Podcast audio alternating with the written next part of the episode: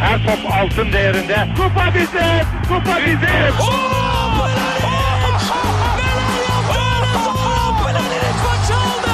Dengeli de attı. İsabetini buldu. Matta Fontaine. Zora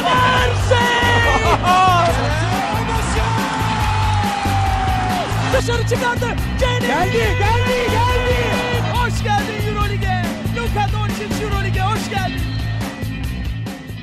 İkili Oyun'un 19. bölümüne hoş geldiniz. Ben Serkan Mutlu. Mikrofon diğer ucunda her zaman olduğu gibi Ali Aktin ve Tancan Fümen var. Selam çocuklar. Merhaba. Selamlar. Ee, geçtiğimiz programda Maçkolik'ten Erhun Giyisi'yi konuk etmiştik. Kendisiyle aslında Türkiye'deki basketbol ikliminin futbolu ne kadar de- nasıl değiştirdiğini ve işte acaba e, ilgi basketbola doğru mu kayıyor diye bir konuşmamız olmuştu. E, bu hafta da bir konuğumuz var. E, kendisi Darüşşafaka Doğuş'un e, geçtiğimiz günlerde görevinden ayrılan basın ve medya sorumlusu Alp Ulagay. E, Alp Bey ile çok merak ettiğimiz bir birkaç konuyu konuşacağız aslında. Özellikle bizim çok dert ettiğimiz şeylerden biri Euroleague kulüplerinin ve işte diğer basketbol kulüplerinin e, kapalı birer kutu olması ve bazı konularda gerçekten şey olmamız yani bilgi almak için e, çırpınıyor olmamız bu bizim için bir dert zaten. E, Alp Bey'e de işte işin mutfağına dair bazı sorular soracağız. E, mesela işte Darüşşafaka projesi hani nasıl başladı, nasıl Euroleague'de wildcard alındı ve hani bir şekilde acaba bu proje sonlandı mı? Onun dışında Euroleague ekonomisine dair de konuşacağız Alp Bey'le. Ee, merak edeceğiniz soruların cevaplarını bulabileceğiniz bir program olduğunu düşünüyoruz. Hazırsanız ikili oyun başlıyor.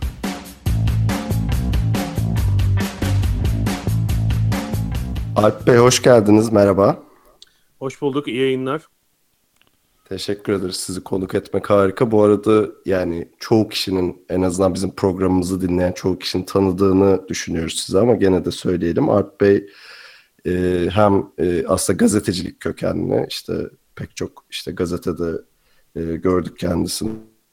Ayrıca radyo programlarında yorumcu olarak ya da e, daha önceden kendi programında olan bir isim. Onun dışında geçtiğimiz sezon e, Darüşşafaka Doğuş'un basın sorumlusuydu.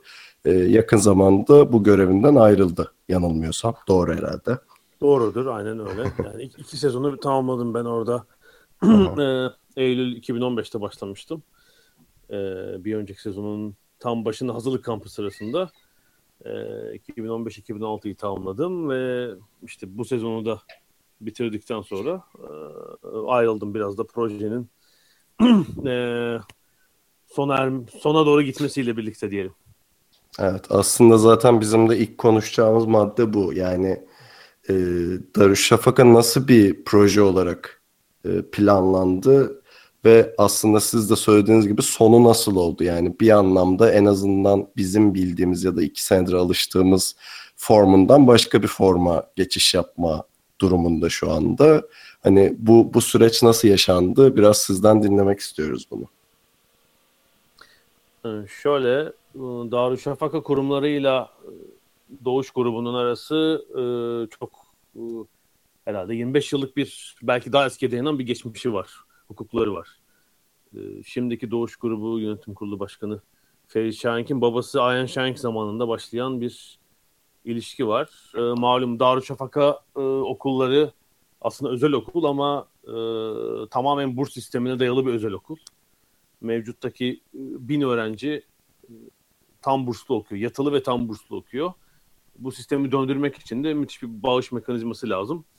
Ee, Ayhan Şahenk yıllar önce bunu e, desteklemeye başlamış ama buna paralel olarak Darüşşafaka okullarının e, sanıyorum 1992 olması lazım. Bundan 25 sene önce yerleştiği, şimdi Darüşşafaka olarak bilinen Maslak'taki İstanbul'un e, Maslak mevkindeki e, kampüsünün yanına bir de spor salonu yaptırıyor.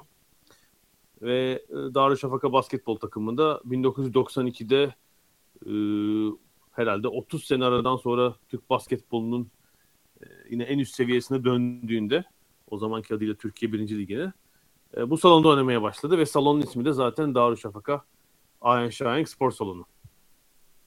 E, ama bu işbirliğini herhalde e, daha ileri götürmek için 2012'de 2013'te bir proje düşünülüyor. Bunun içinde e, İbrahim Kutlay var. Halen Dağraşıka Doğuş'un icra kurulu üyesi. E, en üst düzey profesyonel yönetici denebilir ona şu anda. O bazı Doğuş grubu yöneticileri bir e, plan tasarlıyorlar. E, malum grubun spora zaten işte bir spor kanalı, bir takım başka girişimlerle ilgisi var hep. Çeşitli sponsorluklarla. E, Darüşşafaka kurumlarına bir öneri götürüyorlar. O zaman Darüşşafaka basketbol takımı ikinci ligde 2010'da ikinci lige düşmüş. Herhalde ikinci ligdeki üçüncü sezonu olması lazım ve durum çok parlak değil. İkinci ligde bile alt sıralarda, alt orta sıralarda debeleniyor takım. Hani birinci lige dönebilmek için pek bir e, umut yok gibi. E, Doğuş grubu şey öneriyor. Yani basketbol şubenizi bize devredin. Darüşşafaka Spor Kulübü'nün basketbol hmm. şubesini devredin. E, biz bunu bir şirket halinde yönetelim. Ortak bir isim verelim. Ve tekrar birincilikteki eski günlerine döndürelim. Mesela projenin başlangıcı böyleydi. Ve 2013 yılında bir protokol imzalandı. Darüşşafaka Cemiyeti, Darüşşafaka Spor Kulübü ve Doğuş Grubu var bu protokolde. Ee, uzun süreli bir protokol. Sanıyorum 15 yıllık olması lazım. Ee, Darüşşafaka Doğuş basketbol takımı böylece doğuyor. Ee, önce ikincilikte başlayan bir sponsorluk var. O ikincilikteki bu isimdeki ilk sezonda e, takım şampiyon oldu. 2013-2014 sezonunda. Orhun Ene baş antrenördü. E, altyapıdan hatta Darüşşafaka okullarından yetişmiş bazı oyuncuların yer aldığı bir kadroydu o. E, ilk sezonda hedef tutturuldu. E, ikinci sezon yani o yaz ayında bir koç değişikliği var. Yine benim olmadığım dönemler ama bir kısmını dinledim, bir kısmını takip etmiştim. Hı, Oktay Mahmudi yerine... gelmişti galiba. Evet Oktay Mahmudi geldi 2014 yazında baş antrenör olarak ve tabii kadro epi değişti. İkincilikte e, şampiyon takımın kaptanı olan Gökhan Sunter ki kendisi hem Darüşşafaka okullarından hem Darüşşafaka altyapısındandır. 1980 doğumlu. O basketbolu bıraktı ve altyapıda idareci oldu takımda. Ee, Birçok yeni oyuncu geldi işte herhalde o zaman Mehmet Yağmur, e, Ersin Dağlı ya da diğer Amerikalı ismiyle Irvin Dudley, e, e, Ermal Kucho, şimdi hatırlayabildiklerim, e, Jamon Gordon, bir sürü tecrübeli oyuncuyla bir kadro oluşturuldu ve hatırlarsınız o ilk sezonda yani bu üst seviye dönüşteki ilk sezonda herhalde beklenenin üstünde bir tablo çıktı ortaya. Çünkü benim sonradan öğrendiğime göre o sezon hani ilk 6 hedefleniyormuş. Ama Darüşşafaka Doğuş o ilk sezonda iyi bir performans çizdi ve hatta son e, normal sezonun son iki haftasında Fenerbahçe ve Anadolu Efes'le oynayacaklar. İki rakibi de yenseler sezonu birinci bile bitirebilirlerdi. Öyle olmadı. Ama normal sezon üçüncülüğü e, fena bir sonuç sayılmaz. Normal sezonu üçüncü bitirdi takım. Ama playoff'ta normal sezonun altıncısı Trabzonspor'a sürprizlenebilecek bir sonuçta. iki maçta da elendi. Evet. Ve yani e, aslında fena gitmeyen bir sezon biraz hayal kırıklığıyla sona erdi. E, sonra hikaye biraz değişti. 2014 dün herhalde e, bahar aylarında yaz başında Doğuş grubunun bir takım yöneticileri de e, bu olaya el atıyorlar ve şey diyorlar yani elbette İbrahim Kutlay da var işin içinde. Biz biraz hedefi büyütelim. E, hem bütçeyi arttıralım ve kapsamlı bir proje sunalım ve e, Euroleague'de oynayalım. Hani aradaki kupalardan da geçmeyelim. Mesela Euro Cup'ta düşünülebilirdi herhalde. Hiç on, o aşamalardan geçmeden e, Euroleague'den bir davet alalım. E, davet alacak bir proje oluşturalım. Hı hı. E, bunun içinde bir takım gerekli şartlar tabii mevcuttu. E, e, Ayaza mevkiinde o zamanki adıyla herhalde Black Box Arena olan Doğuş grubunun yaptırdığı bir konser salonu var. O salonu ee, bir kere bir çok amaçlı salona dönüştürme projesi hemen buna eklendi ve zaten salonun ismi sonradan Volkswagen Arena oldu ve gerçekten o, o zamana kadar sadece işte konser, bir takım başka etkinlikler yapılan salon e, herhalde 6 ay demeyeyim yani 4,5-4 ayda belki daha kısa sürede aynı zamanda basketbol maçlarının oynanabileceği şık bir salona dönüştürüldü. Yani bir dosyadaki Euroleague'e sunulan dosyadaki işlerden biri bu. İkincisi tabii bütçe. Bütçe artacak, artırılacak.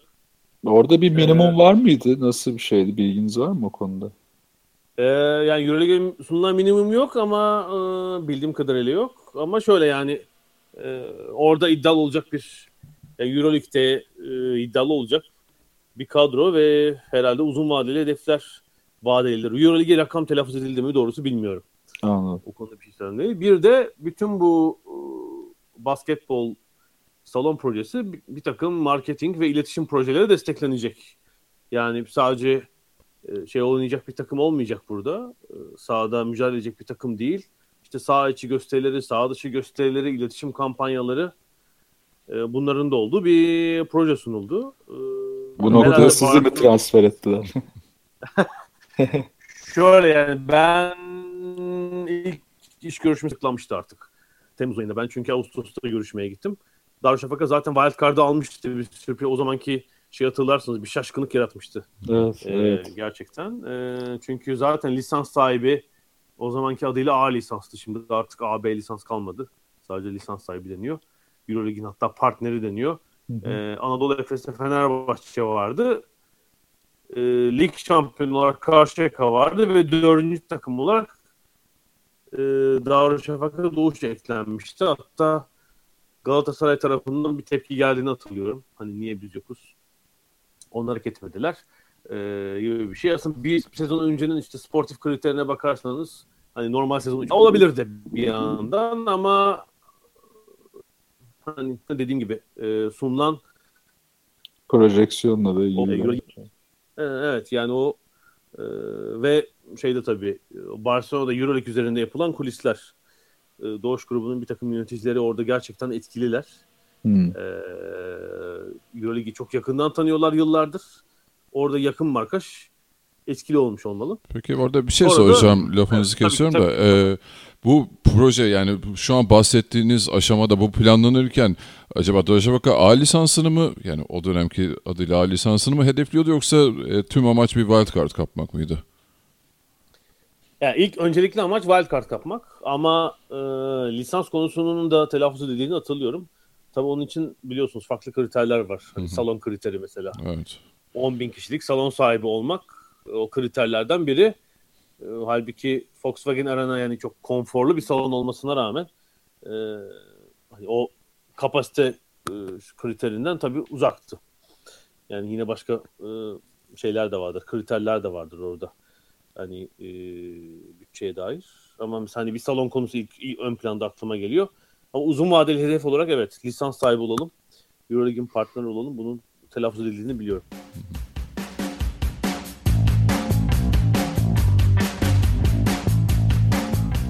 Peki bu, yani şey sizi böyle yakalamışken konuşturuyoruz biz de yani hiç sözünüzü kesmiyoruz gördüğünüz gibi. Yo, bu, konu, bu konular çünkü şey ya. E, yo, yo, evet evet evet.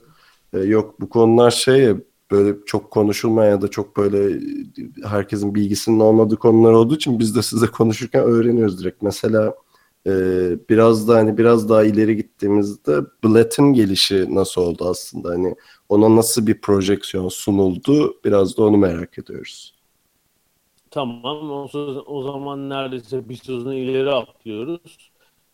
Ee, Euroleague'e kabul edildikten sonra çok hummalı bir çalışma oldu.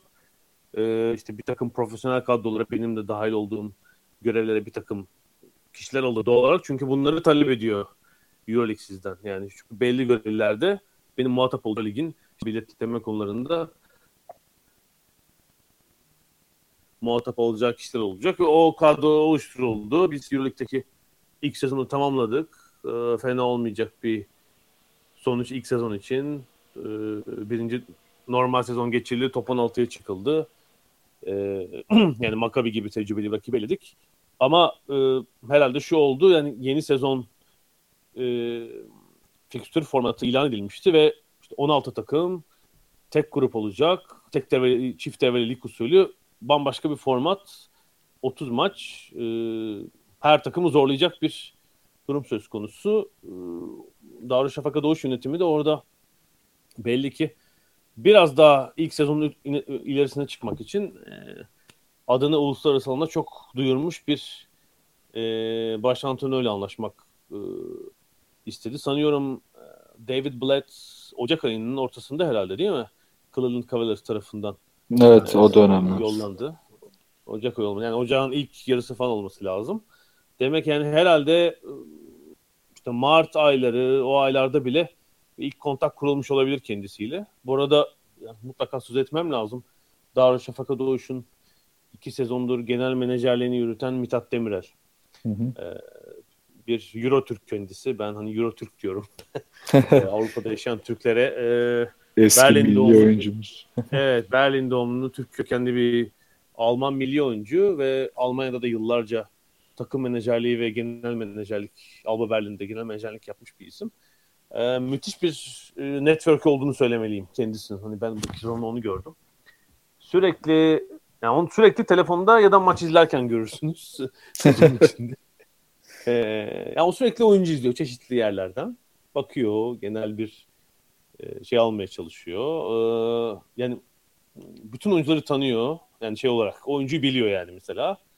Ve Amerika'da olsun, Avrupa'da olsun menajerler, antrenörler, diğer yöneticiler herhalde hepsini tanıyordur. yani böyle bir çevresi var ve David Blatt'i tanıyordu zaten. Bir hani tanışıklığı var. İlk kontağı kurmuş ve e, sanıyorum onu bir yokladı hani düşünür müsün diye. E, Tel gidip e, bir ilk görüşmeyi yaptı. Kontağı kurdu.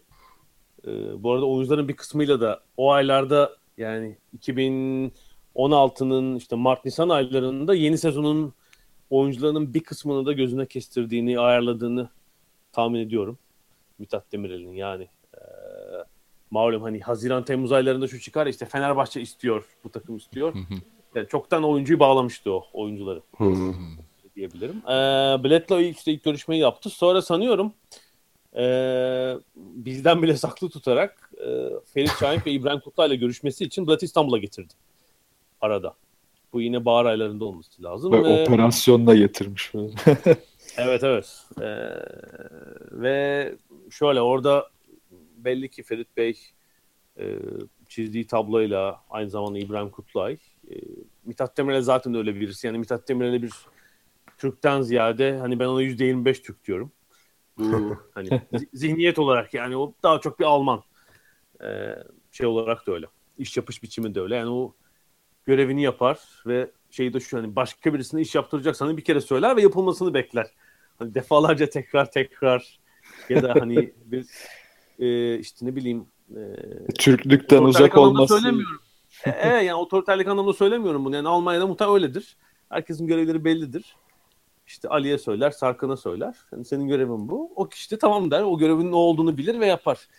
O yüzden hani daha çok %75 Alman diyorum. Valla 3 ee... aydır yaşıyorum. Evet dediğiniz gibi.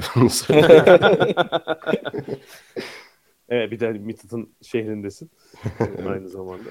Ee, Mithat'ın zaten verdiği bir güven var herhalde Mithat Demir'in. Ee, David Blatt herhalde o dörtlü temasta diyelim. Ferit Bey ve e, Ferit Şahenk ve İbrahim Kutlay'ın çizdiği tablodan da herhalde etkilendi. Yani onlara sadece e, David Blatt'e sadece hani para anlamında değil, bütçe anlamında değil, takım bütçesi ya da kişisel e, maaş anlamında değil, çizdikleri vizyonla da bir güven ve şey verdiler, heyecan verdiler.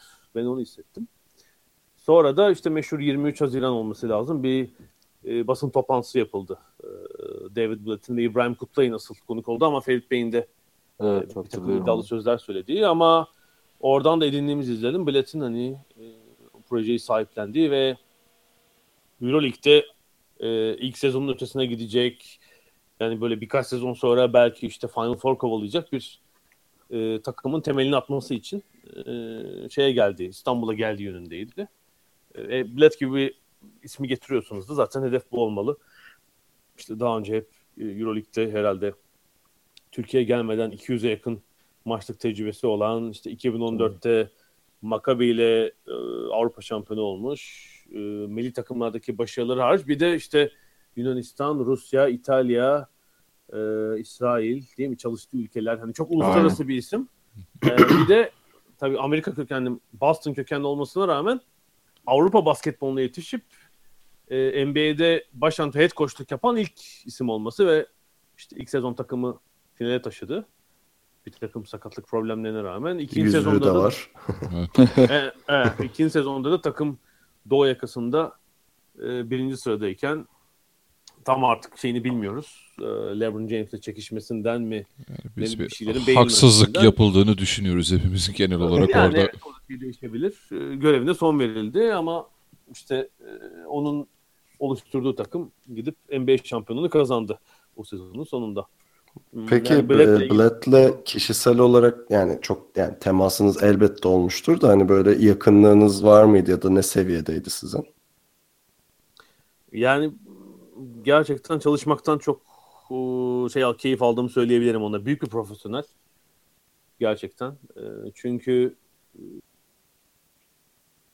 yani Fakat Doğuş'ta 2016-2017'de ama böyle Avrupa basketbolunda bir star isim yoktu. Siz de hak verirsiniz. Yani bir Teodosic, Dökola ismen Evet. oynadığı performanstan bahsetmiyorum. Belki bundan sonra öyle isim çıkacaktır yani. Wanamaker'ı, Clyburn'u biz belki daha fazla göreceğiz Avrupa basketbolunda.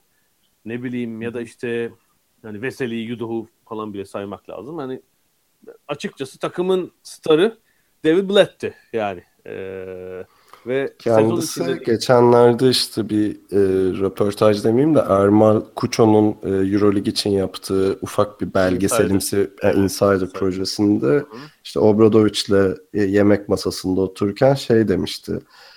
E, işte yaz aylarında Türkiye'ye geldiğimde 3 ay boyunca kendime gelememiştim. Yani o Cleveland Cavaliers'tan ayrılık sürecini hani aslında bizim de düşündüğümüzden biraz da ağır olarak yaşadığını biraz da itiraf etti hani kameralar önünde. O, o süreçte işte Obradovic'in kendisine yardımcı olduğunu falan söylüyordu. Hani buna dair bir şeyiniz oldu mu sizin? Hani e, Blatt'in üzerinde Ee, böyle bir şey olduğuna dair bir yani sizin öyle bir izleniminiz oldu mu çalışırken onunla? Hiç öyle bir hissiyatım olmadı açıkçası. Tabii yani çok büyük profesyonel kendisi.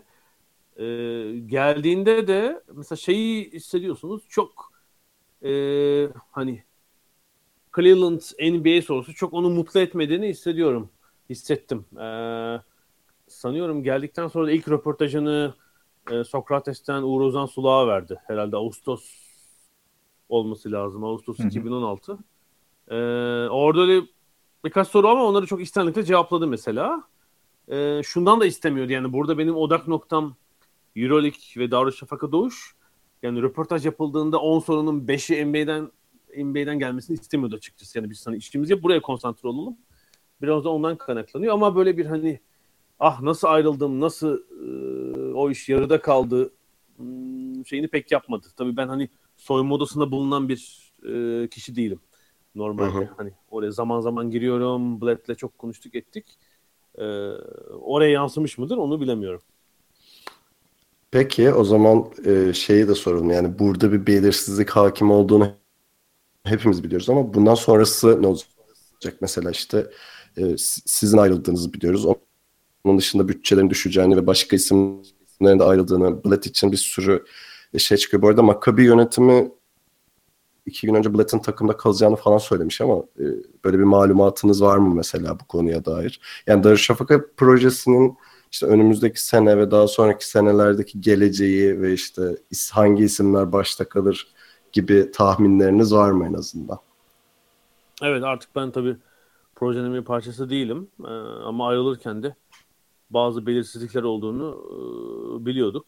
Ee, Doğuş ismi yani herhalde büyük bir ihtimalle imzalandı mı tam sözleşme bilmiyorum ama Fenerbahçe'ye geçmek üzere geçecek. Ee, herhalde yeni sezonda Fenerbahçe Doğuş olacak. E, Aziz Yıldırım açıklamıştı zaten genel kurulda artık herhalde bundan sonra oradan dönüş olmaz. E, yani şundan dolayı yani Türkiye'de bazen o son imza olmadan Evet hiçbir evet şeyden emin haklısınız. olamıyorsunuz o yüzden. O yüzden söylüyorum. Yine burası Almanya olmadığı için. Ee, hani son, son anda bir anlaşmazlık olur, bir şey olur. Ee, ben onu hani bilemeyebilirim. Ama hani Peki görüntü öyleydi 5-6 aydır. Ee, Darüşşafaka tarafında ise tabii burada işte bir üçlü protokol söz konusu. Darüşşafaka Cemiyeti, Darüşşafaka Spor Kulübü yani 1914'te kurulan ve işte 51'den beri basketbolda var olan spor kulübü tarafı ve Doğuş grubu. Yani bu üç e, taraf herhalde oturup bir e, karar verecekler. E, benim duyduğum yani en azından bir sezonluk bir geçiş olacak. E, yani Doğuş grubu yine bir destek verecek basketbol takımına ama daha düşük bütçeyle, daha mütevazi bir takım. Zaten yeni sezonda Euro Cup'ta mücadele etme hakkı aldı. Yani Euroleague'ten hani bir ara beklenen davet gelmedi bu ha, Bu noktada bir şunu sorayım mı o zaman? Peki yani Hı. 15 yıllık bu proje sırf bu Euroleague daveti gelmediği için mi bitiyor yoksa başka sıkıntılar ya da anlaşmazlıklar mı oldu orada? Hani bir bilginiz var mı bu konuda? Yani e, anlaşmazlık derken hani Doğuş Grubu ile Darüşşafaka kurumları arasında öyle büyük anlaşmazlık e, olduğuna ben hiç şahit olmadım. Hı hı. Küçük pürüzler elbette olabilir. Ama onlar giderilebilecek şeyler ama hani e, biz artık devam etmiyoruz. E, yani onun şeyi bilemiyorum. Tepede artık patron seviyesinde şu olabilir. Yani Darüşşafaka bir e, kitle takımı değil. Hiçbir zaman da olmayacak. Yani hı hani oradan şeyin dönüşünü kimse beklememeli. Hani Fenerbahçe, Galatasaray ya da Beşiktaş'la olacak bir işbirliğindeki dönüşü, yankıyı e, bekleyemezsiniz. E, geçen gün hatta dün görmüş olabilirim. E, bu Final Four sürecinde herhalde Twitter'da, Instagram'da mı yoksa Twitter'da olması lazım. Kullanılan hashtaglerin kullanılma sayısı. Bilmiyorum gördünüz mü orayı? Evet evet. evet Fenerbahçe'nin. Evet Fener for Glory 1 milyon falan civarında. Evet, yani 940 galiba. bin. Evet. Ç- e, gerçi CSK ile herhalde Real Madrid Final Four özel hashtagler yaratmamışlar ama Olympiakos'unki kaçtı böyle hani bilmem 100 bin var Yo, yoktu. Onların da hashtag'i vardı ama. Da Fener'in evet çok ezici bir üstünlüğü yani, vardı. Kıyaslanmayacak kadar hani evet, evet. E, ne bileyim 10 bin 20 binlerse biri 940 bin öbürü 10 bin 20 bin hani böyle bir etki ancak bir kitle takımıyla tabii yaratabilirsiniz. Ee, öyle bir düşünce olduğumu bilmiyorum. Ya tabii ama öyle ama Fakali... şey pardon yine girdim araya ama yani şey çok kafama takılıyor da o yüzden şimdi bu kadar hani 15 yıllık bir proje büyük bir gazla girilmiş e, büyük hedefler konuluyor ve bir anda hani bitirilmesi Darüşşafaka gibi bir kültüre de büyük zararı var yani bunun bence yani ve basketbola da bence zararı var. Şimdi bir anda aslında yine dibe çakılacaklar. Yani muhtemelen bu sene olmasa da birkaç sene sonra. Ya bu süreç sizce yanlış mı yani? Ben açıkçası çok yanlış buluyorum. Ee, yani benim şeyim şu e, keşke tabii şey devam etseydi. Hani illa bu işte hani geçen iki sezonki bütçesi bütçe de olması şart da değil. Tabii tabii. Ama e, hani basketbolda bir işte şu an hani Darüşşafaka Doğuş'ta bütçe indirince hani iki güç odağı kalmış gibi olacak. Hani bir üçüncü e, güç odağı olarak kalması hali yerinde olurdu. Yani şey için de tabii. E, gelecek sezon e, bütün basketbol pazarının da küçülmesi anlamına geliyor. Yani bir tek Aynen öyle. Evet. Darüşşafaka Doğuş'ta değil. Galatasaray'da bütçe kısıyor. E, Bahmet'in durumunu tam bilmiyoruz. Ee, özellikle Türk oyuncular için tabii çok aleyhte bir durum olacak bence bu. Kesinlikle. Böyle böyle bir sıkıntı var ama bence hani bir birazdan mütevazı ölçüde devam edebilirdi ama dediğim gibi Türkiye'de hani her gün her şey değişebilir. Ee, şu da olabilir. Ee, yani buraya da devam ediyoruz. Bozmuyoruz işbirliğini ama hani daha mütevazi bütçeyle burada biz takımı koruyacağız. İşte ismi de şu olacak.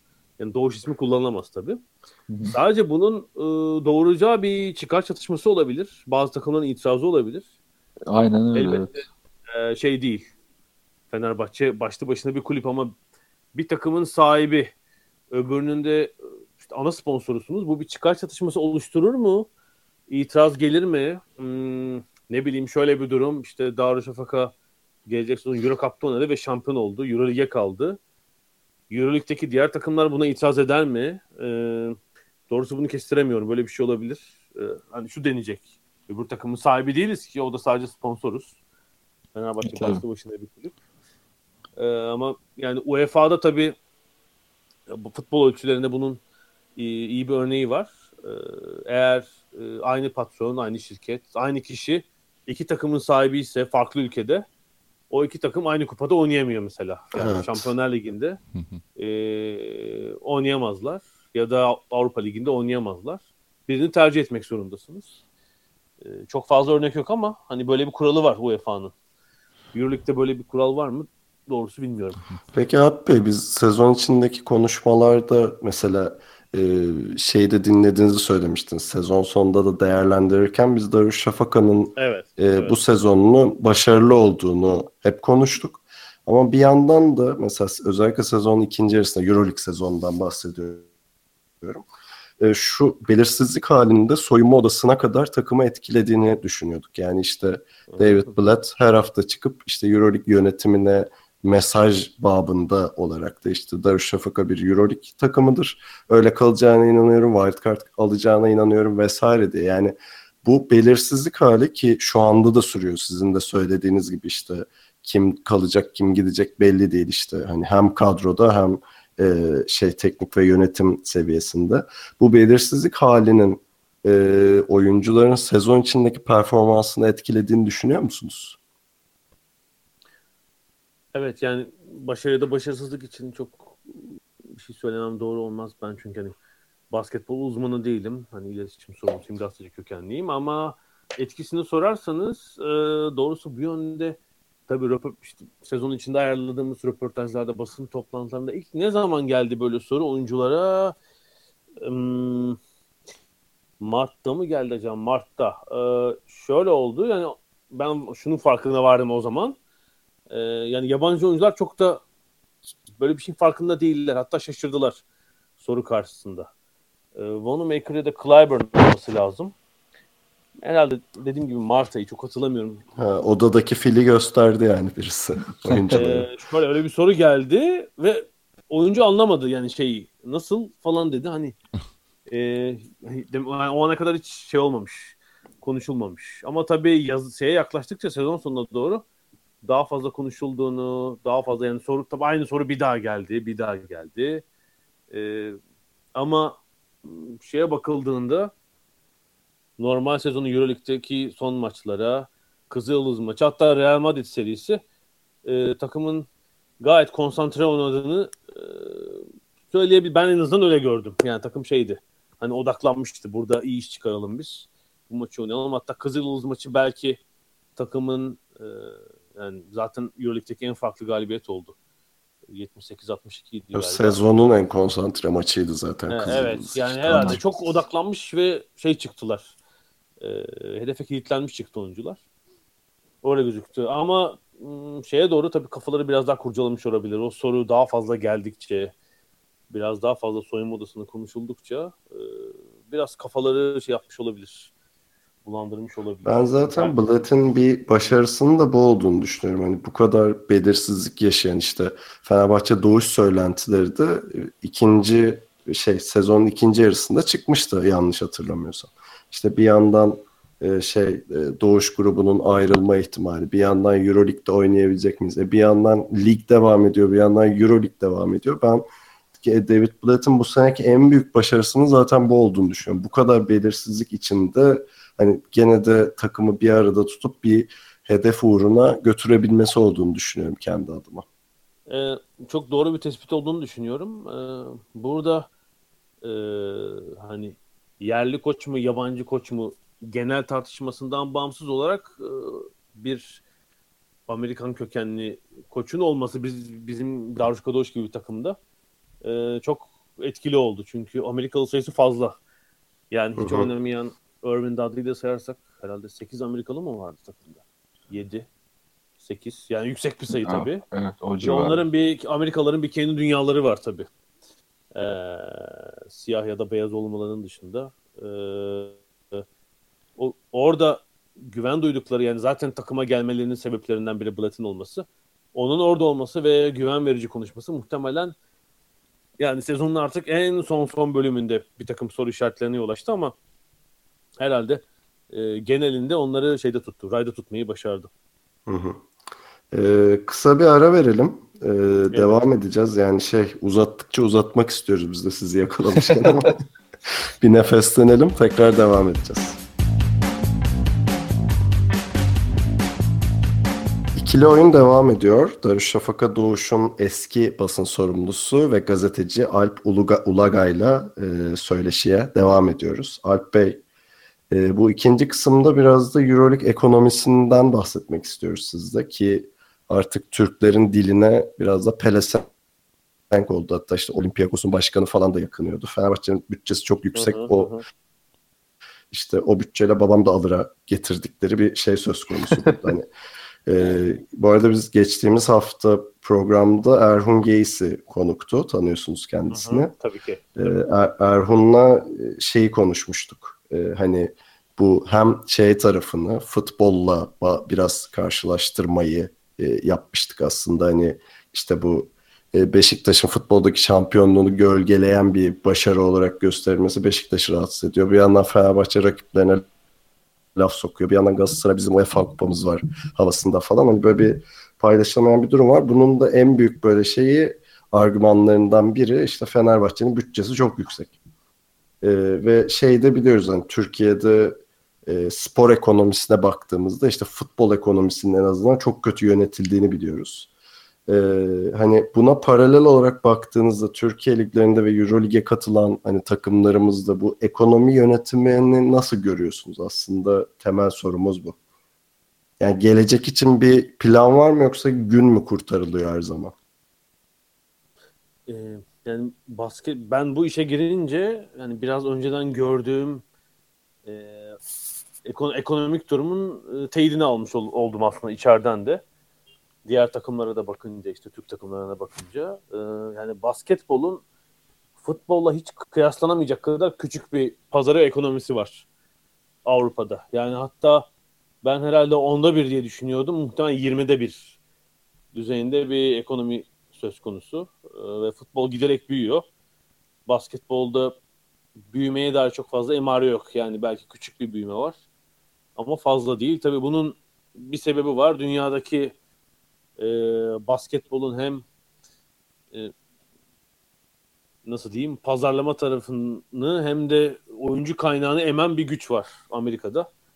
E, ne var ne yok e, emiyor ve geriye pek bir şey bırakmıyor açıkçası ve Avrupa basketbolda buna karşılık çok iyi bir model sunabilmiş değil. Yani EuroLeague kötü bir proje değil ama e, ekonomik olarak kıyaslanmayacak derecede küçük maalesef. E, ve takımların Euroleague'deki takımların bütçelerine bakıldığında da yani en büyük e, dezavantajın e, futbol oranla ya da Amerikan takımlarına oranla e, bir televizyon yayın gelirinin olmaması. Yani neredeyse hiç olmaması.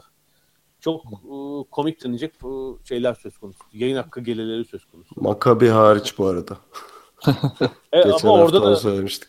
Evet orada da ciddi bir düşüş oldu. Makabi'nin yaşadığı sıkıntıların kaynağının bir kısmı da o zaten.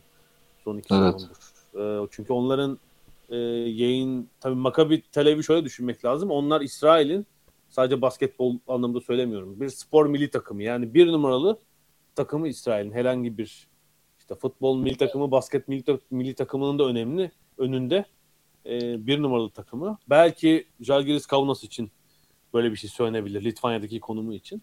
Hı hı. E, o yüzden ayrı anlaşmaları var ama bunların bir kısmı e, başarı endeksli. Yani hani Euroleague'de playoff ve işte 3 milyon dolar daha falan gibi anlaşmalar. Şimdi iki sezondur sonuçlar çok kötü gidince e, şeyde de bu hafta içi İsrail Ligi Final Four'unda da yarı finalde elendiler. Ne yapsalar olmuyor. O gelirleri düş böyle bir garip kısır döngüye girdiler yani bu bakımda. Ama evet yani Maccabi Tel Aviv belki biraz Alman takımları hani daha iyi örnekler olabilir. Bunun dışındaki e, takımlar tamamen e, bir sponsor ya da patron desteğiyle ya da İspanya örneğindeki gibi yani Barcelona ve Real Madrid'deki gibi hani çok zengin bir futbol takımının kaynaklarıyla finanse edilen takımlar. Fenerbahçe'de de böyle diyebiliriz. Ee, yani ben şeyleri bilançoları halka açık olduğu için Real Madrid ve Barcelona biliyorsunuz şirket değiller dernekler. Evet. Türkiye'deki spor kulüpleri gibi işte yüz binlerce üyesi var ikisinin de e, basketbol bilançolarına baktığınızda bir felaket. Yani Real Madrid'in örneğin 2015'te değil mi Avrupa şampiyonu oldular 2015. Hı hı. Şey finalde evet. Olympiakos, Olympiakos'u yenip. O sezonki giderleri 30 milyon euro. İşte gelir 11 10-11 milyon euro diye hatırlıyorum. Yanılmıyorsam. Böyle bir geliri var. Yani 20 milyon euro açık. Tabii şampiyon olunca herhalde 6-7 milyon euro da prim vaat etmişler. Onlar verilince işte giderleri iyice yükselmiş. Zaten evet. Ee, Peki. Barcelona aynı durumda. İkisi de aynı durumda. Çünkü şöyle yani mesela Real Madrid herhalde sezonluk 8 bin civarı kombine satıyor. Çok iyi rakam. Çok güzel büyük bir salonu var. Yani herhalde Euro Lig'de doldurursanız ligde önemli maçlar doldurursanız bir seyirci geliri elde edersiniz ama işte medya geliri işte bir buçuk milyon İspanya Ligi'nden işte Euro Lig'den bir, bir buçuk yani bütün giderlerin yüzde onunu karşılıyor da karşılamıyor. Çok hayal kırıklığı yaratıcı bir rakam. İşte üç oyuncunun maaşı falan anca çıkıyordur işte. yani evet. e, ve e, şunu görüyorsunuz. Bu Avrupa piyasasındaki oyuncuların e, maaşları da bütün bu e, gelirlere oranla çok yüksek. Yani bu sadece Fenerbahçe ya da işte Darüşşafaka Doğuş Anadolu Efes için değil, işte CSKA Moskova için de Real Madrid, Barcelona için de geçerli. Yani en son Teodos için için telaffuz edilen rakam 4, 4 milyon deniyor senelik evet. 3 yıl için 4 milyon euro mu bir de o? 3 yıl için 12 milyon. Yani senede euro, 4 evet. milyon kazanacak. Yani e, dışında yani çok bir, kazanacak basketbolcu. Böyle bir şey yok tabii. Böyle bir e, basketbol piyasası yok Avrupa'da aslında. E, bu bakımdan biraz bunun yapay olduğunu söylemek lazım ama bu paraları da e, vermese takımlar işte kaç takım diyelim hani 7-8 takım o kalan oyuncular da Amerika'ya gidecekler yani. Çok açık. Ee, hele bu NBA'nin yeni televizyon anlaşmalarıyla evet, Avrupa'nın rekabet, büyüdü. rekabet etmesi mümkün değil yani. Peki siz Darüşşafaka'ya geldiğinizde bu yönde planlamalar oldu mu? Yani iletişim ve pazarlama olarak ya biz burada geliri nasıl arttırırız, e, neler yapabiliriz, bu projeler falan yap- yaratıldı mı bu süreç için?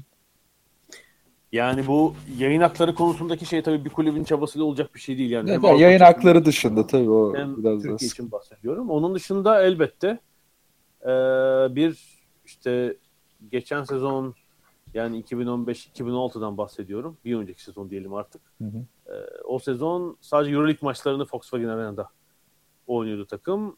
Hmm, geçen biten sezon ise hem lig hem Euroleague maçlarının hepsini Oradan oynama kararı alındı. Tabii amaç şu yani daha fazla seyirci çekmek.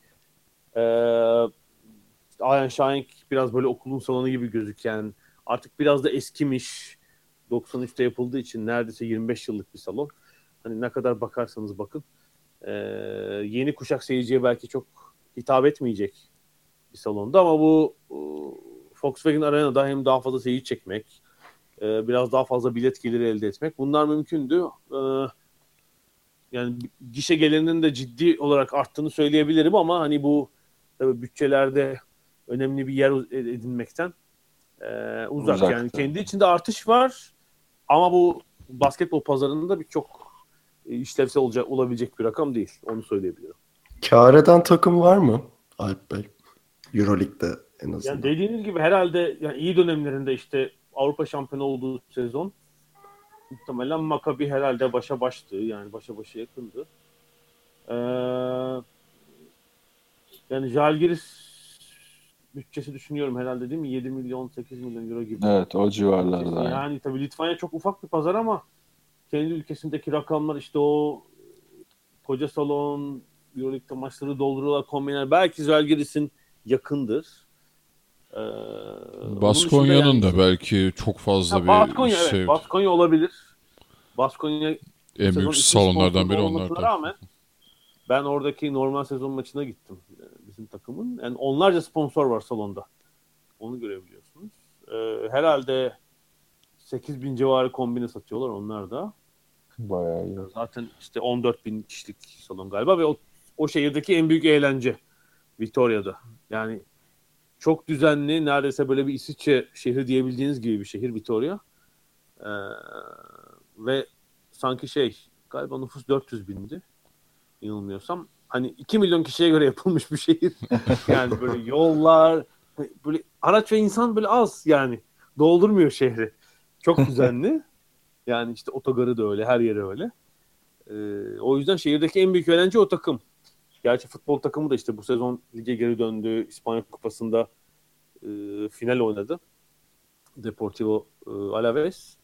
Ama şeyin başka bir geleneği var tabii yani 25 yıldır oluşturdukları basketbolda e, başka bir gelenek var e, Baskonya takımının. E, bir sürü sponsorları var Yani irili ufaklı salonda her yerde reklam dolu salon. Süper. Ee, evet. E, malum maaş konusunda da onlar biraz böyle bir e, şey gibi. Ara kulüp görevi görüyorlar. Yani belli oyuncular oraya geliyor, yıldızı parlıyor ve hop daha büyük bir takıma atlıyor. Ee, şey gibi orayı bitsin gibi kullanıyor birçok oyuncu. Yani belki orada ama o, o sezon oynadığı oyunla ertesi sezonluk işte 800 bin euro dolarlık kontratı e, garanti etmiş oluyor. E, belki Vitória olabilir ama işte Barcelona'nın, Real Madrid'in, Fenerbahçe'nin, işte Anadolu Efes'in, Darüşşafaka Doğuş'un, Yunan takımlarının yani şeyler ya patronlar finanse ediyor ya işte büyük bir sponsor CSK'da olduğu gibi. E, diğer yandan Kızıl Yıldız da bağış toplamaya başladı yani. Onlar da iyice ne beter duruma düştü. Kızıl Yıldız evet aslında kağıt üzerinde yani değil mi dolaşan rakam 5 milyon euroydu ama evet. son haftalarda aldığımız haberler e, bu düşük bütçede bile birkaç aydır maaşları ödeyemedikleri yolunda. Hı hı, evet. Aslında Herhalde. şey oldu biraz daha sorunun cevabını Baskonya bize verdi. Yani Türkiye Ligi'nde de böyle yani küçük şehirlerin takımlarının tek eğlencesi o takım olduğu için e, devamlı böyle ilgi çok yüksek, salon hep dolu. Daha düşük bütçelerle daha verimli oyuncuları bulup bunları Yunanistan'a kadar satabilecek seviyede takımlar kurabiliyorlar gibi örnekler var. Aslında demek ki yani belki de Darüşşafaka projesini başlatırken daha geniş e, çaplı düşünülseydi bunlar göz önüne alınarak bazı örnekler yaratılabilirdi ama herhalde düşünülmedi böyle şeyler. Evet yani şey tabii ne zaman bu salona geçti Baskonya kestiremiyorum. Ben onlar 95'te İstanbul'da o zaman Avrupa Kulüpler Kupası'ydı galiba. Support olmamıştı yani. Avrupa'nın iki numaralı kupasında final oynamışlardı İstanbul'da ve evet. e, İstanbul'a getirdikleri seyircileri hayret etmiştim. Yani favori Namoskili Benetton'du zaten. Benetton Hı-hı. Treviso. Ama herhalde 2000 kadar şey vardı. Bask taraftar vardı ve sonu yani şey olarak kötü anlamda değil. Bütün maç bağırdılar, desteklediler. Kaybedince alkışladılar. Yani 95'ten bahsediyoruz. İşte 22 sezon olmuş aradan. Yani o zaman bir böyle sağlam taraftar kitlesine işte İstanbul'a kadar gelecek destekleyecek kitleye sahiplerdi. Herhalde işte arada o müthiş salon yapıldı. Ee, e, ilk proje ilerledi yani işte. Hmm, tabii uzun yıllar aynı isim değiştirse de aynı sponsorla Aynen. çalıştılar. Ee, işte Taugres'ti, Tau Seramik oldu falan. Ee, devam etti iş. Evet yani böyle bir şey tabii. Niye olmaz ama işte demin konuştuğumuz meseleye geliyor. Yani öyle küçük orta boy bir şehirde e, oraya odaklanmak belki daha kolay. İstanbul'da şeyler dağılıyor. Aynen işte. dikkatler dağılıyor tabii. Ya, seyircinin ilgisi de İstanbul seyircisi tabii daha futbol odaklı. Yani onları sahiplendirmek çok zor bir takıma. O da bir iki senede olacak bir iş değil yani. Ben Tabii de bir yani. bilgi vereyim futbol demişken. Ee, Alp Bey girerken şey demişti ya işte futbolla karşılaştırılamayacak seviyede diye. Geçen bir haber gördüm. Aykut Kocaman'ın Fenerbahçe'deki ilk teknik direktörlük sezonunda sadece bon servise altını çizerek söylüyorum. Fenerbahçe 98 milyon harcamış. sadece bon servis. Bu böyle şey stadyum gideri yok, ulaşım bilmem ne giderlerinden bağımsız. Yani bu, bunun yanında 15-20 milyonu çok dert etmemek lazım diye düşünüyorum. Yani ben şu örneği veriyorum. Ee, Eurolig'in bu sezon 16 takıma dağıttığı e, işte yayın hakkı ödül miktarı sanıyorum 30 milyon euroydu. Ee, Beşiktaş e, tek başına Şampiyonlar Ligi'nden ki gruptan çıkamamasına rağmen bundan fazla fazla para aldı ve e, Beşiktaş Avrupa'da orta boy bir takım, e, Türkiye'de orta boy bir pazar. Çünkü işte yayın hakkına e, daha fazla para verirse o ülkenin yayıncıları o ülkenin takımları daha fazla para alıyorlar. Evet. E, bu hani şey bir kıyaslama. Hani bir örneği de şeyden veriyorum. Bildiğim kadarıyla Türk Hava Yolları'nın Euroleague sponsorluğu için verdiği e, yıllık meblağ 5 milyon euro. Ve hmm. isim sponsoru. Karşılığı bayağı, yok. Bayağı düşük yani. yani. Evet, Şampiyonlar Ligi'nde biliyorsunuz hiç bir isim sponsoru olmadı bugüne kadar. Yani evet. kaç paraya olur hayal edemiyorum şu an. Evet, ya, Şampiyonlar Ligi'nin e, yıllardır çok değişmeyen ana sponsorları var. Yani bunlar işte Sony. E, işte kaç yıldır var o kadar uzun süre devam ediyor ki yani 3 yılda bir yenileniyor ama o yani UEFA pek değiştirmek istemiyor. Ona devam ediyor. Bildiğim Heineken'in e, sezonu 70 milyon euro verdiği. Of. İsim sponsorluğu için. İşte isim pardon ana sponsorluklardan biri için. E, sadece bir marka. Yani bir de diğerleri var. İçimiz karardı. Türk Hava Yolları evet, Türk Hava Yolları herhalde sene mi oldu? E, Euroleague pardon. Şampiyonlar Ligi sponsorluğu için böyle bir şey oldu. Hatta o zamanki kurumsal iletişim müdürü Twitter'ına yazdı böyle ağzına kaçırdı gibi oldu. Sponsor oluyoruz diye. Ee, ve olmadı en sonunda. Demek yani herhalde kategorilere göre ayrılıyor ama yani 50 milyon eurodan aşağı bir şey olamaz. Yani. Tabii canım. Peki Eurolig'in şey üzerinde bir kontrolü var mı? Bu maaşlar, gelir gider oranları vesaire üzerinde. Yani Eurolig yönetiminin diyeyim. Evet, e, yani burada şunu görüyorsunuz. E, yani UEFA'da nasıl oluyor bilmiyorum ama Euroleague'e sürekli bir raporlama söz konusu. Yani benim kendi iletişim alanım için şu var zaten. E, bir raporlamadan ziyade hani sürekli irtibatta kalma gibi durum.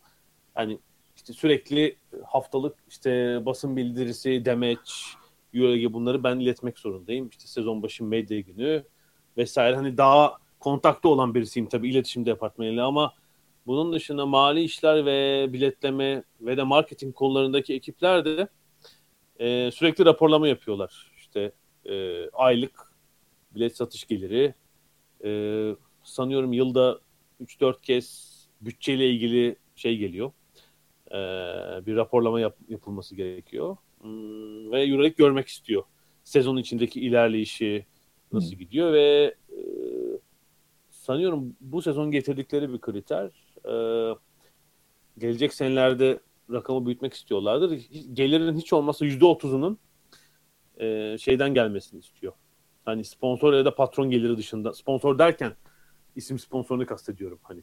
Hı hı. E, nasıl diyeyim yani patron sponsor dedim yanlış söyledim. Benim şey demek lazım. Hani patronun, takım sahibinin koyacağı sermayenin dışında gelir olması isteyen yüzde otuzunu. Yüzde otuzu şeyden sağlayacaksınız siz. İşte marketing, forma sponsoru, bilet geliri, televizyon yayın hakkı yüzde otuzdu. Ama yani benim orada gördüğüm işte belki gelecek sene yüzde kırk olmasını isteyecekler.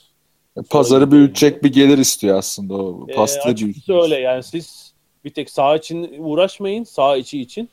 Sağ dışında da uğraşın. Ee, buradaki gelirinizi arttırın. İşte e, kombine satın. Salonunuzu doldurun. Sponsor bulun. Ee, şey bu. Ee, daha sağlıklı bir mali yapıya kavuşturmak için teşvik etmek tabii. Hmm. Ama Euroleague'in de anladığım kadarıyla buna kendi bir desteği yok yani bekliyor sadece. Şöyle var işte IMG ile yaptıkları anlaşma var aslında o e, geçen sezon e, daha doğrusu 2016'da e, IMG ile bu Amerikalı işte spor pazarlama, ha, evet. e, menajerlik birçok iş yapan prodüksiyon şirketiyle bir 10 yıllık anlaşma imzaladı Euroleague. Ve e, IMG Euroleague'e sanıyorum 750 milyon euro olması lazım. 10 yıllık gelir garanti gelir vaat etti. İşte onun üzerine tabii Euroleague'in takımlara dağıttığı şey de gelir de arttı. Yani bu sezon 30 milyondan bahsettik. İşte iki sezon önce herhalde bunun yarısıydı dağıtılan ve 24 takıma dağıtılan meblağ bunun yarısıydı yani bir %100 artıştan. Ya bu ivmeyle gidersek aslında gelecek için bayağı güzel bir projeksiyon ama. Ee, sonraki şeyler içinde artışlar var. Herhalde işte hmm, böyle 45 milyon euroya kadar e, çıkması söz konusu e, bir 4-5 yıl içinde dağıtılacak gelirin. Ama tabii hani şey yetmiyor tabii. Bu kadar iddialı takıma yetebilecek bir gelir değil.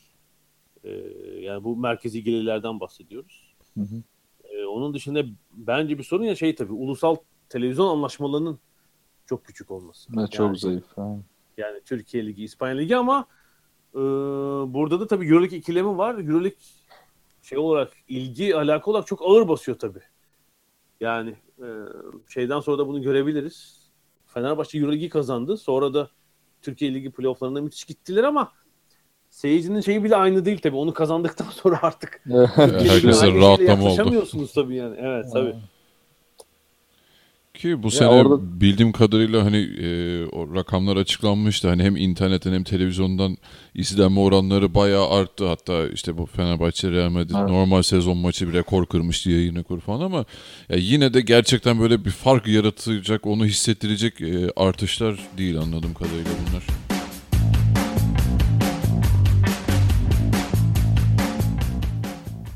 Peki küçük evet, mesela, bütçelerle başarılı olma imkanı var mı takımlara sizce Euroleague'de? Ee, yani bu biten sezona bakarak söylüyorum. Ee, yani Final Four'a kalan dört takıma bakalım. En büyük dört bütçenin üçü oradaydı. Ee, CSK, Fenerbahçe, Real Madrid. İşte yani duyduklarımıza göre Real, CSK Moskova 42 milyon euro bütçesi. Fenerbahçe'yi Aziz Yıldırım söyledi 30 milyon euro. Real Madrid'in de işte 30 civarında hani biraz yukarıda biraz aşağıda olduğunu tahmin ediyoruz. Bir Olympiakos e, işte herhalde 13-14 olduğu söyleniyordu. E, büyük bütçeler kaldı ama sezon içinde mesela daha az bütçeyle daha iyi sonuç alan takım var mı? İşte Kızılyıldız, Jalgiris en düşük iki bütçe olması lazım. Son ana kadar playoff kovaladılar. Yani Kızılyıldız son maçta işte İstanbul'a geldi. Darüşşafaka Doğuş'u yenseydi e, playoff'a kalacaktı. Jalgiris herhalde kendi sahasındaki Anadolu Efes'in ilgisiyle havlu attı. 28. hafta mıydı o? Ya da 20. Evet. Evet. Yani onlar düşünüldüğünde tabii şu avantajı var. Onlar e, basketbol kültürü çok kuvvetli iki ülke, yetiştirici iki kulüp, e, oyuncu kaynağının önemli bir kısmını kendi yetiştirebiliyor. E, bunun yanına hani e, işlevsel yabancılar ekliyor. E, böyle durumu idare edebiliyorlar. E, işte Baskonya ile Vitor şey Baskonya Vitoria ile Broze herhalde nispeten daha orta boy bütçelerle iyi sonuç alan takımlar. Buna karşılık büyük bütçelerle hani kötü, çok kötü sonuç alan işte Milano herhalde. O evet. Barcelona. Barcelona. Barcelona. Barcelona evet muhtemelen en büyük bütçelerden biri. Ee, o basketbol takımı revir mi ikilemini aşamadığı için yani çok hayal kırıklığı yaratan bir sezon geçirdiler. Hem Euroleague'de kendi liglerinde de çeyrek finalde eğlendiler. Ee, Milano herhalde bilmiyorum Darüşşafaka Doğuş'ta herhalde e, kafa kafaya bütçesi olan bir takımdı. Yakın belki biraz azdır tam kestiremiyorum. Ama 16 e, takım arasında sonuncu oldu. Son maçta kazanı yenilince büyük bir hayal kırıklığı. Evet. Maccabi için e, hani söylenen para böyle 13-15 oralarda ama benim e, tabii Euroleague'de bir takımında basın sorumlusu olunca bir takım gazeteci de hele bilet olunca da onlarla da soruyorlardır size. e, yani şey içinde sezon içinde oluyor zaten. Hani röportaj isteyen oluyor. E, bu arada Yunan medyasını e, tek geçerim bu konuda. Gerçekten inanılmazlar. Yunanistan basketbol medyası. Medyası diyorum çünkü hani ağırlık online medyada gerçekten inanılmazlar e, nasıl haber kovaladıklarını, ilgi gösterdiklerini şey anlatamam orada yani. Hı-hı. Ya zaten İstanbul'da orada burada çok müthişler. Bizim bir derdimiz aslında ee, sezon içinde de konuşuyorduk. Ee, haber bu, alamamak. Evet yani mesela NBA'de şöyledir yani sakatlık olduğu saniyede her yere düşer ve öğrenirsiniz ama Euroleague'de bir sakatlık oluyor. Oyuncu oynayacak mı, oynamayacak mı? Birisi de tartıştı mı, ne oldu? Hani bir bilgiye ulaşmak bayağı zor. Hani bu bilmiyorum basın yani bizim basınımızın mı sıkıntısı, Euroleague'in genel basınıyla ilgili mi sıkıntısı mı yoksa Yunanlar gibi agresif mi değiliz? Onu çözemedik bir türlü. ya işte ee, playoff'lardan önce gelen... pardon, pardon. Tabii. İsrail basınından gelen bir yani oradaki gazetecilerin aktardı. Mesela Makabi'nin bütçesinin 23-24 milyon dolar olduğu yönündeydi. Yani euro değil ama dolar bilgisi geldi. Onlar da tabii felaket bir sezon geçir, geçirdiler. Ee, e, yani şeyde işte Euroleague'de haftalar önce havlu atmışlardı. Ee, kaç koç değiştirdiler? 3 mü 4 mü? 5 oldu galiba. Ya. Haftada Çünkü bir değişiyordu. Bir Euroleague bittikten sonra da koç değiştirmeye devam etti onlar ligde. çünkü e, bizim yardımcıyı aldılar yani Bagaskis'i aldılar. Aralık ayında biliyorsunuz. Hatta evet. ilk çıktığı maç bizim maç oldu. Ve yendiler bizi. E sonra herhalde o Nisan'da üst üste beşlik maçını kaybedince bana İsrail'den mesaj geldi. İşte duydun mu Bagaskis gidiyor diye gazetecilerden. Ee, o hafta gitmedi ama 2-3 hafta sonra o da gitti. Ee, yani işte kendi liglerine de bakıyor. O, hani onlar da kötü örnek. Yani her türlü örnek var aslında. Ee, ama bakıldığında şeyler e, ya playoff'a kalan takımlara bakıldığında işte 7'si lisans sahibi Darüşşafaka Duş dışında ve herhalde çoğu büyük bütçeli takımlar. Yani bir belki işte Vitoria söylenebilir. Birazdan mütevazi bütçeli olup da playoff oynayan. Onun dışındakiler hep Peki bu bütçe yani, konusundan bir paralel bir noktaya gelmek istiyorum. Hı hı. Yani bu geçen hafta belki görmüşsünüzdür. Kalin için Twitter'da bazı açıklamaları oldu. Hı hı, işte evet, biz, evet tabii. Gördünüz değil mi? İşte tek derdimiz işte para değil hani biz burada işte çok kötü şartlarda bazen kalabiliyoruz. Şampiyonluğu bile kutlayamadım hani e, bu artık sıkıntılı bir durum olmaya başladı. Hani bizden çok abuk subuk istekler oluyor diye. Hani oyuncuların Avrupa'da tutmak istiyoruz dedik. Hani işte gidiyorlar NBA büyük bir bütçe.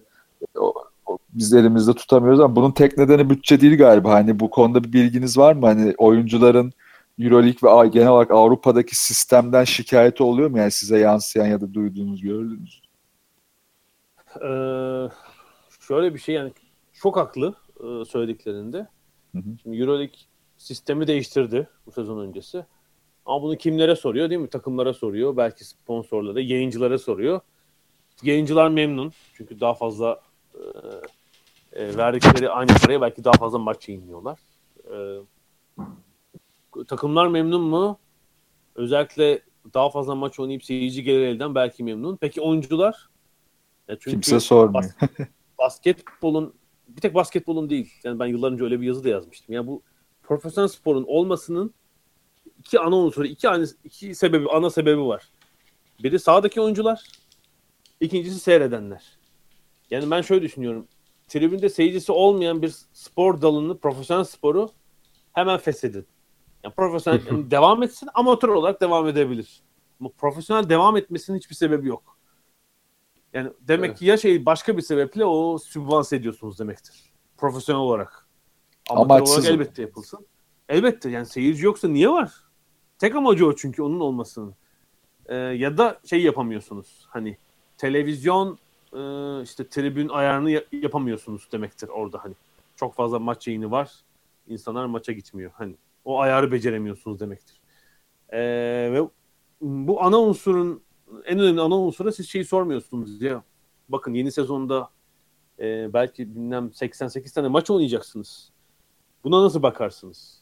Ee, tabii şöyle bir şey. Kalinic'in o tweetlerinde söylediği gibi bir Eurolig'in işte FIBA'nın doğrudan muhatabı yok. Çeşitli ülkelerde e, bildiğim işte oyuncu der şeyleri var, oyuncu birliği dernekleri var. İspanya'dakinin kısmen etkili olduğunu biliyoruz. Türkiye'de de kurulmuştu GEA ama ya hiçbir işe yaramıyor. Yani hiç, evet ben geçen kime sordum? Bizim takımdaki oyuncuların birine sordum hatırlıyorum yani birkaç önce. Yanıt alamadım ne durumda diye. Yani herhalde Ender aslında. Kendinin bile haberi yoktur belki de. evet. Ee, şöyle mesela Darüşşafaka Doğuş için söyleyeyim. Ee, bu sezon hazırlık maçları dahil 81 maç oynadı takım. Ee, ve en sona giden kadar en son noktaya kadar gidebilen bir takım değildik. Yani Euroleague'de playoff oynadık, Final Four oynamadık. Ee, Türkiye Ligi'nde de playoff yarı finalinde eğlendik. Türkiye Kupası'nda sadece bir maç. İşte 11'lik 11 hazırlık maçı dahil 81 maç. NBA sayısı ya. Evet, Fenerbahçe için dün bir resmi maç sayısı telaffuz ediliyordu. 76 olabilir mi? Öyle bir şeydi evet. 76. Ee, yani bizden daha hazırlık maçı oynadıklarını zannetmiyorum. En az 10 tane vardır. İşte 86 maç yapar. Tabii. Üst, üstelik yani buradaki durum Amerika gibi değil. Amerika'da değil mi? Ülke içinde uçuyorsunuz. Mesafeler büyük ama iç hat birçok takım şeylerle uçuyor. Ee, charter yani özel uçuş, özel e, şeyle uçuşla gidiyor deplasmanlara. Bir, bir de çok sistemli tabii. Yani bölge bölge uçuyorlar. Yani deplasman turuna çıkıldığında devamlı gidip gidip gel yapmıyorlar yani. Evet, yani Türkiye'de o, şey oldu canım işte Kazan deplasmanına gidip iki gün sonra yani iki gün sonra derken sabahında dönüp ertesi akşam maç yapma durumları oluyordu. Evet, Euroleague'in evet, iki, evet. iki ee, maçlı dönemlerinde. Bir, bir 3-4 hafta önce David Blatt Amerika ile iki oradan talep geldi. Hani Euroleague'den beni bulmuşlar. Ben de ayarladım. CBS ve NBC'nin e, spor radyoları var. Orada iki programa konuk oldu canlı aynı gün hatta. canlı yayına bağlandı. İşte burayla ilgili neyi özlüyorsunuz diye sordular. Ee, söylediği şeylerden biri özel uçuşlardı David Blatt'in. yani onun rahatlığı. Çünkü e, diğer takımları çok bilmiyorum. Buna dair bir takım anket ara, hani araştırma yapanlar da var sanıyorum. E, bu sezonki bu hele çift maçlı haftalarda hangi takım kullandı kullanmadı kestiremiyorum. Bizim takım e, Darüşşafaka Doğuş, Kazan'a ve Vitoria'ya özel uçakla gitti. E, bu iki deplasmana yani uçuş saatleri e, tarifeli uçuşlar uygun olmadığı için o iki deplasmana öyle gidildi. Ama diğerlerine işte Madrid'dir, Barcelona'dır. Hani Atinalar zaten yakın. Tel Aviv diğerlerine şeyle normal tarifeli uçuşla gidildi bildiğim kadarıyla. O da sıkıntı. Ee, evet yani tabii ona uymak zorundasınız. Geçen sene mesela çok sıkıntılı bir şey hatırlıyorum. Benim de gittiğim e, Dinamo Sassari deplasmanı. Çünkü Roma aktarmalı gidebiliyorsunuz şeye. E, Sardunya Adası'na. Hı hı. Ondan sonra dönerken belki hatırlarsınız o e,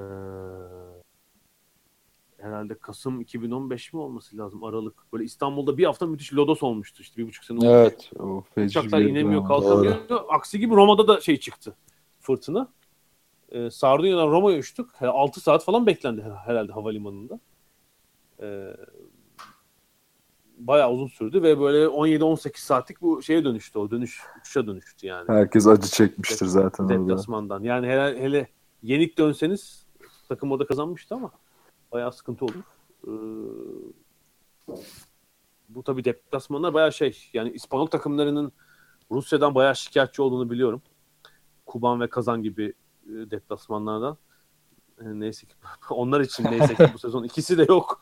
İki tane Moskova hani bir Moskova bir de e, büyük Moskova takımı var.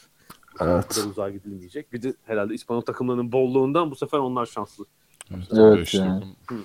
Ya belki de işte Euroleague'in bir noktada takım sayısı da artacağını söylüyorlar hani bir önümüzdeki yıllarda. Hani biraz daha maç programlarını coğrafyalara göre belirlemek zorunda kal- kalabilirler yani. Aslında bu se- sezon başı öyle bir şey yaptılar. Ee, çok ilan edilmemekle birlikte bütün Euroligi Doğu Batı diye ikiye ayırdılar zaten.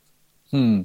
Ee, ve çift maç haftalarında e, Doğu'dakiler Doğu deplasmanına Ha evet onu Doğru. yaptılar evet. evet. onu yaptılar. İşte Doğu'da zaten 4 İstanbul takımı, 2 Rus takımı, ee, herhalde Jalgiris ve Maccabi vardı.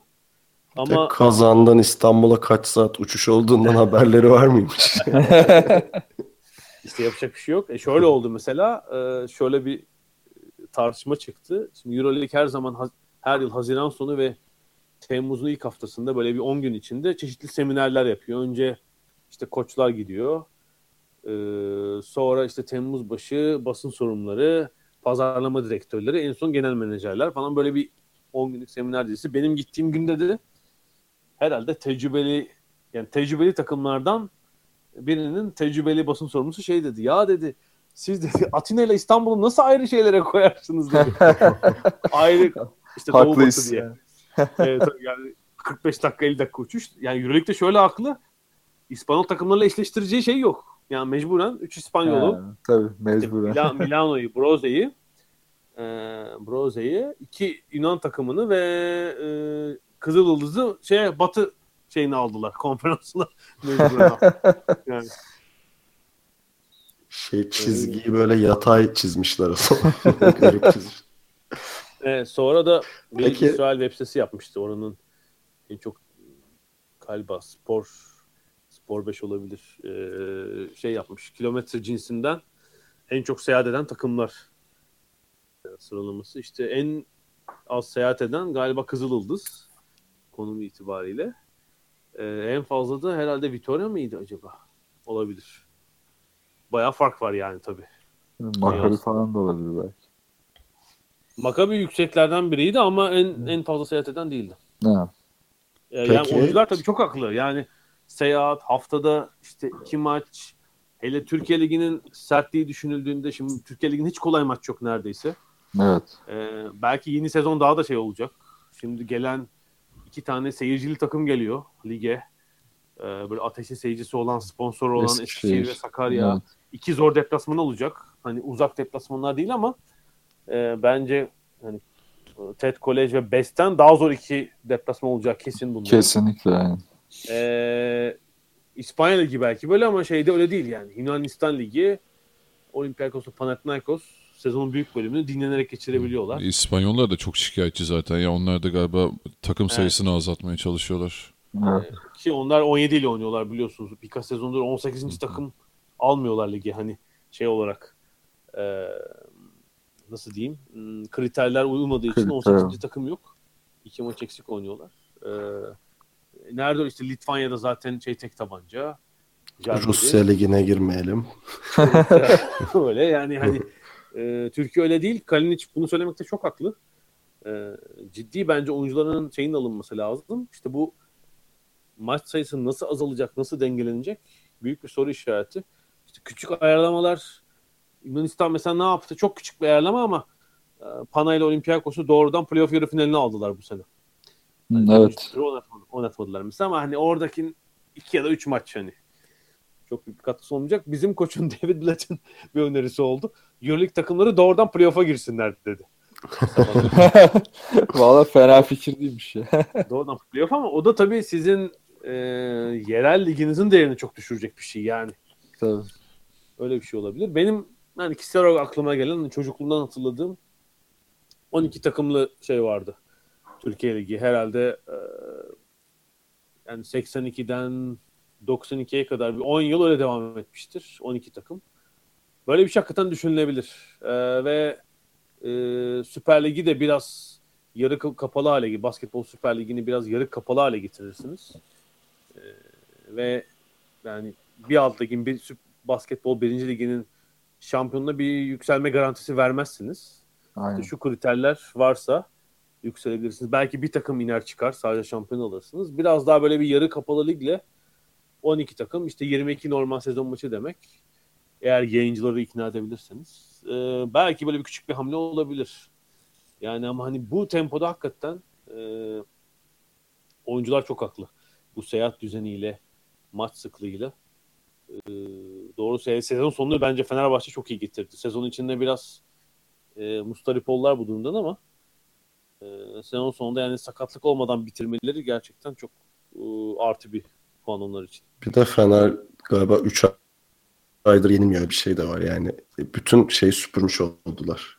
Yani Euroleague playofflarına Final Four'u zaten Final Four'da şampiyon olmak için süpürmen lazım da donup sonra Türkiye'yi Ligde en son 4 Aralık'ta yenilmişler Tofaş'a. Zaten bütün sezon iki yenilgi aldılar. Yenebilen takımlarda Uf- Uşak'la Tofaş. Ee, son resmi ilgileri de herhalde Real Madrid deplasmanı. Eurolig'in 29. haftası mıydı normal sezonu? Demek ki yani 30-31 Mart öyle bir şey olması lazım. Değil mi? İki Aynen. buçuk aydır yenilmiyorlar. Yani O Evet. civarda evet.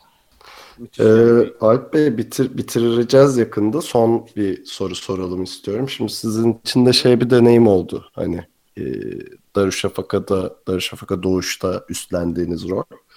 E, bu role dair hani basınla ve taraftarla iletişimleri nasıl Türkiye ve Avrupa takımlarının? Bir bunu öğrenmek istiyoruz. Hani futbolla belki karşılaştırmak istersiniz. Bir de son olarak hani bundan sonraki hedefleriniz ne kişisel olarak onu da merak ediyoruz ve sonra programı kapatacağız. Ee, şöyle benim hani göreve gelirken ben böyle bir tarama yaptım e, tüm medyada. Hani Türkiye'de nasıl bir basketbol medyası varmış diye. Bir kere basındaki kısmı çok zayıf buldum. Yani e, gazetelerin basın derken basılı gazeteleri kastediyorum. Yıllar içinde spor kadroları eriyince e, basketbolu e, ele alacak kişi sayısı editör, muhabir, yazar olarak çok azalmış e, gerçekten. Hatta bütün basında 5 uzman mu 4-5 uzman muhabirden bahsedilebilir. Onların bile bazılarının yan işleri oluyor. E, yani öyle maça gelebilen, maç izleyebilen, yazan eden çok kısıtlı. Buna karşılık e, çok canlı bir e, online medya, internet medyası var. E, özellikle genç kuşak e, şeylerden, muhabirlerden, yazarlardan oluşan ve böyle işte hmm, oyuncaklı işler yapan, e, sürekli haber giren, röportaj kovalayan bir online medyadan kabul, söz etmek mümkün. Ben de onları mümkün edin, mümkün olduğunca daha fazla bu işin içine çekmek için doğrusu çok uğraştım iki sene. E, bir de şeye bu internet medyasına karşı böyle bir garip bir ön yargı var işte. akreditasyon vermeme, maçı almama gibi e, biraz şeyden kaynaklanıyor işte. e, herkese verirsek iddialı maçlarda basın tribünde yer kalmıyor falan gibi bir bahanesi var. Çünkü şu oluyor işte ne bileyim e, Euroleague'deki Fenerbahçe Real Madrid maçına aslında sezon boyunca 3 tane basketbol maçına gelen Fenerbahçe'nin futbol muhabiri de e, bas işte şeye Türkiye Spor Özelleri Derneği'ne başvuru yapıp gidiyor. Ama hani e, maç izlemek için gidiyor orada çalışmak için değil. Tabii canım. Asıl ya orada iş yapacak şey gidemiyor ama buna karşılık yani burada aylardır podcast yapan ikili oyun ekibi gidemiyor mesela. e, e, evet. Çok yani şey bir örneksiz çünkü e, oraya gitseniz programa malzeme çıkaracaksınız maça. Onun için gideceksiniz ya da işte e, blog da olabilir, web sitesi de olabilir. E, bu arada yani mesela basın toplantılarına e, ki David Blatt'ın basın toplantıları hakikaten şeydi. Her türlü soruyu alır. 15-20 dakika sürer. 20 dakika bas süren basın toplantıları. Her, herkesi cevaplar. E, oraya sadece şey giriyordu. E, yani Anadolu Ajansı dışında. Online medyanın temsilcileri basın toplantılarına girdiler sadece. Yani gazetelerden pek kimse göremedik. Belki televizyondan. Kimler geliyordu online medya hani hangi platformlardan gelenler oluyordu? Ee, yani Europes ve Trend zaten çok iyi takipçi olan ikisi de. Onların basketbol.com.tr tabii ki. Hı hı. Ee, onları mutlaka görüyordunuz ama daha işte küçük böyle web hesapları işte ne bileyim Arena Basket, Euro Basketbol Videos, e, işte Spor Vadisi yani şimdi benim işin içine dahil etmek istediğim sitelerden e, mutlaka şeyler vardı. E, genç temsilciler vardı. Peki konusu açılmışken bu süreci de öğrenelim. Nasıl oluyor? Mesela size mi başvuru yapıyorlar? Nasıl işliyor oraya gitmek, soru sormak? O süreç nasıl çalışıyor? Şöyle, şöyle evet evet. Yani e, bir kere e, Euroleague Euroleague maçlarındaki akreditasyon sistemini kulüplere bırakıyor. Hı hı. Orada böyle bir kart bastırıp bir şey oluşturmanız, sistem oluşturmanız lazım. Yani sezonluk işte maça maçlara sürekli geleceğini düşündüğünüz kişiler için bir sezonluk kart bastır verebilirsiniz ama sonra ben maçlık başvuru alıyordum ki ona göre basın tribününde bir yer ayırayım herkese. Hı hı. Çünkü hani e, yerler sınırlı elbette. Volkswagen Arena'da da işte böyle çok tıkış tıkış oturtmazsam işte demek ki kaç kişilik 50-55 kişilik herhalde yer var. E, mutlaka başvuru alıyordum ki işte seni şuraya oturayım, oturtayım, öbürünü buraya oturtayım. İşte bilgisayar e, bilgisayarla gelip çalışacak olanlara hani şeyli, deskli sıralı yer vereyim. Çünkü şeysiz bile desksiz koltuklar var. Oraya da ayrı şey alıyordum. Ee, ama spor yazarları da elbette işin içinde. Onlar da klasik medyadan, basından, televizyondan başvuruları topluyor. Yani iyi paslasarak ilerledik sezon boyunca. Doğrusu. Ee, ve hani şey bir ilişki kurduğumu düşünüyorum. Ee, çok sık haber, e, bülten geçmeye çalıştım. Hani 200'ün üzerinde bülten geçtim ben bu sene sezon boyunca. Oh, ee, çok fazla röportaj organize etmeye çalıştım. Çünkü bizim yani Fenerbahçe gibi değiliz. Darüşşafaka Doğuş gibi bir takım. Mesela bu Anadolu Efes için de geçerli. Yani medyada yer almak için elbette bir ilgi var ama ayrı bir çaba göstermeniz, uğraşmanız lazım. Bunu yapmaya çalıştım doğrusu. Daha fazla yer almak. Bu arada zaten hani görünen genelde bizim futboldan da gelen bir şeydir bu. Hani basında çok fazla spekülasyon, işte başkasını düşürmek için daha fazla işte ayak kaydırıcı haberler çok fazladır ama hani genelde basketbolda gördüğümüz bu biraz daha az. Ama yine de tabii medyatik ya da işte o dönem için spekülasyon haberler çıkıyor ama Darüşşafaka'dan gelen bilgiler genelde net oluyordu. Yani e, ne oluyorsa onu duyuyorduk gibi bir izlenimim var açıkçası benim. Olabilir biraz daha fazla basketbolda herhalde genelde o dedikodu kısmı evet. e, şeye göre futbola göre kıyaslanmayacak e, derecede daha az. E, daha çok onun sayesindedir o. E, taraftarla ilişkiye gelince de tabii hani bir dediğim gibi Darüşşafaka Doğuş bir kitle takımı değil. Hiçbir zamanda olmaz. Eski Darüşşafaka kökenli bir m, hmm, küçük kitleden söz edilebilir. E, onlar var seyirci olarak. Bir de işte e, takımın bu son 2-3 yıldaki e, yükselişiyle beraber ilgi duyan bir yeni kuşak seyirci var. Yani böyle işte medeni bir ortamda e, maç seyretmek isteyen, e, çocuğunu hiçbir endişe duymadan salona getirmek isteyen ve oradan emniyet içinde çıkmak isteyen. Çünkü bence Türkiye'de büyük bir sorun bu. Hangi spor dalı olursa olsun. e, böyle bir gerilim ortamı yani ya bu salonda bir şey olacak mı? E, acaba ben işte 6 yaşındaki oğlumu kızımı götürebilir miyim? Hani bu endişenin duyulduğu e, bir şeyiz, e, ülkeyiz maalesef. Spor karşılaşmaları söz konusu olduğunda. E, buna karşılık da bize gelen hani ben aynı zamanda bir, bir yandan e, yaptığım işlerden biri oldu işte hani e, hem basın sorumlusu, web manager, çevirmen bir de PR manager. yani ilişkiler sorumlusu gibi de çalıştım. E, kulübün biraz geç akıl etmekle birlikte zaten bazı bize gelen mesajlar vardı. Geçen işte Haziran ayında bir e, web sitesine iletişim kutusu, kutusu, kutusu ekledik. E, ve oradan gelen mesajları anında yani en kısa sürede yanıtlamak için e, çabaladım doğrusu. Hani işte bu altyapı seçmesi de olabilir, bilet talebi olabilir, kombineyle ilgili sorun olabilir. E, orada da doğrusu fena ilerlemediğimizi düşünüyorum. Yani yine tekrarlayayım. Hani bu Fenerbahçe Galatasaray'la kıyaslamayın. Ama e, her gün mesaj gelen, mail gelen bir e, şeydi o e, adresti. Kulübün o adresi. İşte küçük sorun yaşayanlarla birebir ilgilenip salonda böyle bir iki şey yaşadık. Hani işte yerime oturamadım, edemedim. Onların gönlüne en, en kısa sürede almak mesela şeylerden biriydi. Amaçlardan biriydi bir sonraki maçta. Ee, ya da işte sezon boyunca sosyal medyadan çok yakın ilgi göstermiş, e, her postun altında teşekkür mesajı atmış kişileri işte biraz memnun edebilmek. E, yine amaçlardan biriydi. E, mutlaka memnun edemediklerimiz olmuştur ama e, yine de o e, sempatizan kitleyle bir ilişki kurduğumuzu düşünüyorum. E, son olarak Alp Bey sizi nerede göreceğiz önümüzdeki sene? Bunu sorayım. e, şimdiden sinyal vermeyeyim. Hani hmm, bu iş yapmayabilirim. Hani bir takımın basın sorumlusu olarak göremeyebilirsiniz. E, ama herhalde yayıncılık yani dediğim gibi ben hani gazeteciyim aslında meslek olarak. E, gazetecilik ya da yayıncılık hani bu işlerde herhalde bir yerde olacağım. Belki basketbola biraz daha yakın olurum. Ama aynı yaptığım işi yapmayabilirim. Benden sonra da takımda kim yapacak hani onu şeyde bilmiyorum. Darüşka Doğuş'ta kim yapacak bilmiyorum. Ee, göreceğiz. Çok teşekkür ederiz programa katıldığınız için. Keşke ee, böyle imkanımız olsa da 5 saat konuşsak. Ama... O zaman yok. Çok, çok sıkıcı, sıkıcı olabilirim. Ee, ben teşekkür ediyorum. Ee, Teşekkürler. Yaptığınız zaman ayırdığınız için. Evet sizi ağırlamak harikaydı. Bir daha da görüşmek isteriz. Elbette. İyi yayınlar dilerim. Çok sağ olun. Teşekkürler.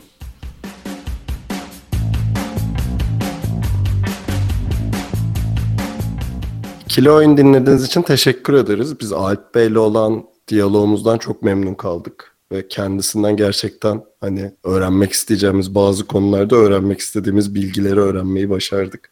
Bir kere daha teşekkür ediyoruz. Ee, bizi her zaman olduğu gibi ikilioyun.com adresinden ve ikilioyun Twitter hesabından takip edebilirsiniz. Ee, ve bir mail adresimiz var. Eğer bize ulaşmak isterseniz mail adresimiz selam.ikilioyun.com ee, ve gene her zaman olduğu gibi bizden haberi olmayan bir arkadaşınızla ikili oyun şöyle iyidir, böyle güzeldir diye bizi överseniz çok mutlu oluruz. Önümüzdeki hafta görüşmek üzere. Hoşçakalın. Hoşçakalın. Görüşmek üzere.